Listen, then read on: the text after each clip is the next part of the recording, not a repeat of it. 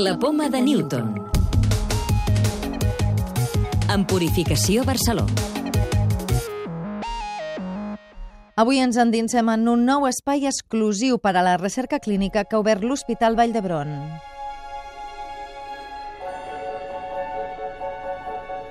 El nou centre ocupa una superfície de més de 600 metres quadrats on s'han ubicat tant els departaments d'atenció als pacients que participen en els assajos com els laboratoris. Xavier Molina n'és el responsable de recerca. Set consultoris per fer el seguiment dels pacients. Tenim una àrea per enfermeria, per poder fer les extraccions, infusions de medicació, etc. I després aquesta seria la part que està oberta al públic, perquè després l'altra meitat és una part eh, tancada, on tenim el laboratori pel tractament de totes les mostres biològiques, els magatzems i també a la part d'oficines on hi tenim a l'Academic Research Organization. Però per què cal un espai específic com aquest? Coses tan simples com derivar una analítica, com fer proves extraordinàries, es fa complex en la rutina diària que té un hospital tan gran. Per tant, és bo que els investigadors els metges que fan aquest tipus d'investigacions puguin disposar d'un espai diferenciat, separat, on no causen distorsions en la pràctica assistencial en la resta de pacients i, a més a més, es pot donar una atenció més individualitzada en aquella gent que està sota una investigació clínica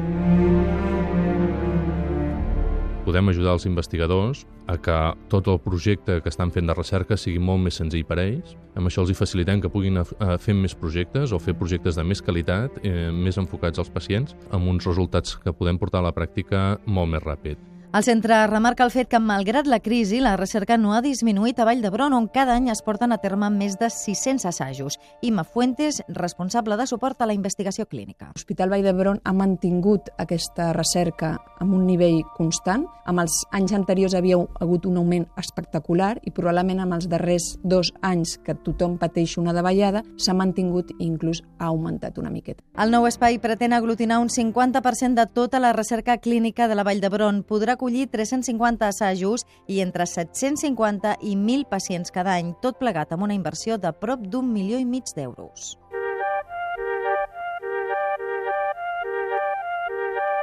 També us expliquem que les dades recollides pels satèl·lits confirmen que augmenta l'efecte hivernacle. La presència de gasos d'efecte hivernacle, el diòxid de carboni i el metà, s'ha incrementat a causa sobretot de l'ús de combustibles fòssils.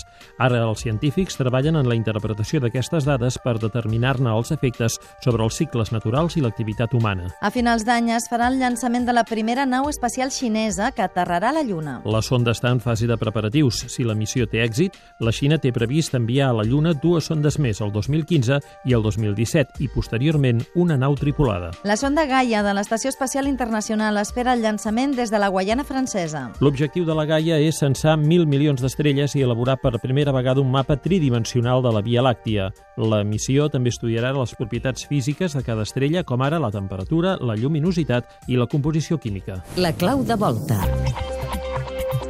Per què les gotes d'aigua ballen en contacte amb una superfície calenta? Jordi Ortín, catedràtic d'Estructura de la Matèria de la Universitat de Barcelona. L'aigua, quan entra en contacte amb la superfície calenta, es vaporitza. I aleshores es forma un matalàs de vapor entre les gotes i la superfície que elimina la fricció. A la pràctica no hi ha fricció i les gotes ballen. S'anomena efecte Leidenfrost.